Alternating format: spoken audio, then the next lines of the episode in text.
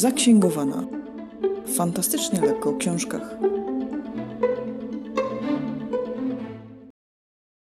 Po tej stronie głośnika Maktire. Panie i panowie, dzisiejszym gościem jest Olaf Rudnicki i jego kariera od aptekarza do mocarza. Dla niewtajemniczonych Olaf R. to bohater dwóch serii trylogii Adama Przechrzty. Materia prima oraz materia sekunda, który zaczyna jako zwykły aptekarz w Warszawie czasów Romanowów, jednak ta Warszawa nie jest tak do końca taka zwykła. Podobnie zresztą ma się sprawa z samym Olafem. W mieście swoją enklawę mają upadli, a Olaf jest adeptem, czyli czymś w rodzaju maga i alchemika łącznie. Upadli to oczywiście niezbyt przyjemne gagatki z innego wymiaru, które sobie nieźle poczynają w książkowym świecie. Tak w dużym skrócie można osadzić fabułę pierwszej trylogii. Oczywiście autor dorzuca do tego wątki historyczne z ówczesnej historii naszego kraju i ładnie to wszystko splata w całość. Muszę dodać, e, że udało mi się być na prelekcji Adama Przechrzty i dryg do opowiadania o historii pan autor ma ogromny, co zresztą widać w książkach. Żeby zbyt wiele nie zdradzać z wydarzeń, to jedynie zaznaczę, że materia prima dzieje się w Warszawie i szeroko pojętych okolicach, a materia sekunda przenosi nas dodatkowo do świata stali. Innego wymiaru, bardzo przypominającego Chiny, z klimatem jak w przyczajonym tygrysie i ukrytym smoku. Tam Rudnicki staje się sługą.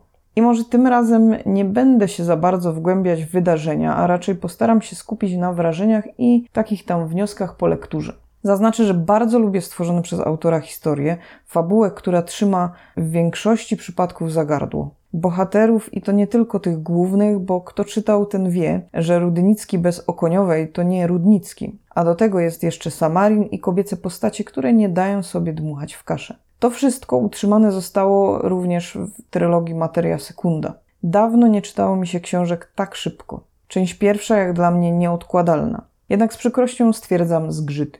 A właściwie jeden duży, bo on ma związek z samym Olafem. Otóż od pierwszej części pojawia się pewien schemat mocarności bohatera.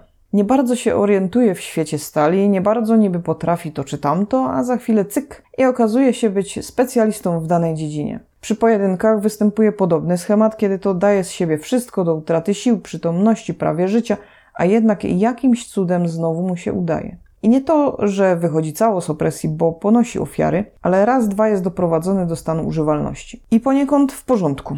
Ale tutaj chyba zasada co za dużo to niezdrowo ma swoją rację bytu. W dodatku, jak sobie myślę o Olafie z materii prima, a tym z materii sekunda, to mam nieprzyjemne wrażenie, że gdzieś mu się e, gubi czasem przebiegłość i dostrzeganie czegoś więcej, no, że jakby tak e, zgłupiał. Najsłabiej dla mnie wypada część trzecia trylogii, Odnoszę wrażenie, że niektóre wątki są pozamykane zbyt szybko i jednym czy dwoma zdaniami, a z kolei inne niekoniecznie musiałyby zostać wprowadzone lub mogłyby zostać wprowadzone wcześniej. Przyznam, że w związku z tym część trzecią czytało mi się dalej dobrze, jednak trochę toporniej to szło. Bardziej podobał mi się Samarin ze swoją częścią historii. Nadal uważać będę te dwa cykle za coś wartego przeczytania, mimo że w drugim zgrzytało mi właśnie te kilka rzeczy. Książki autora czyta się świetnie, akcja nas porywa od samego początku, a świat wpleciony w wydarzenia historyczne dodaje, dodaje tylko kolorytu. No a do tego postacie, które można polubić lub niekoniecznie. Śmiało mogę powiedzieć, że czekam na kolejne opowieści autora i na to, czym mnie zaskoczy,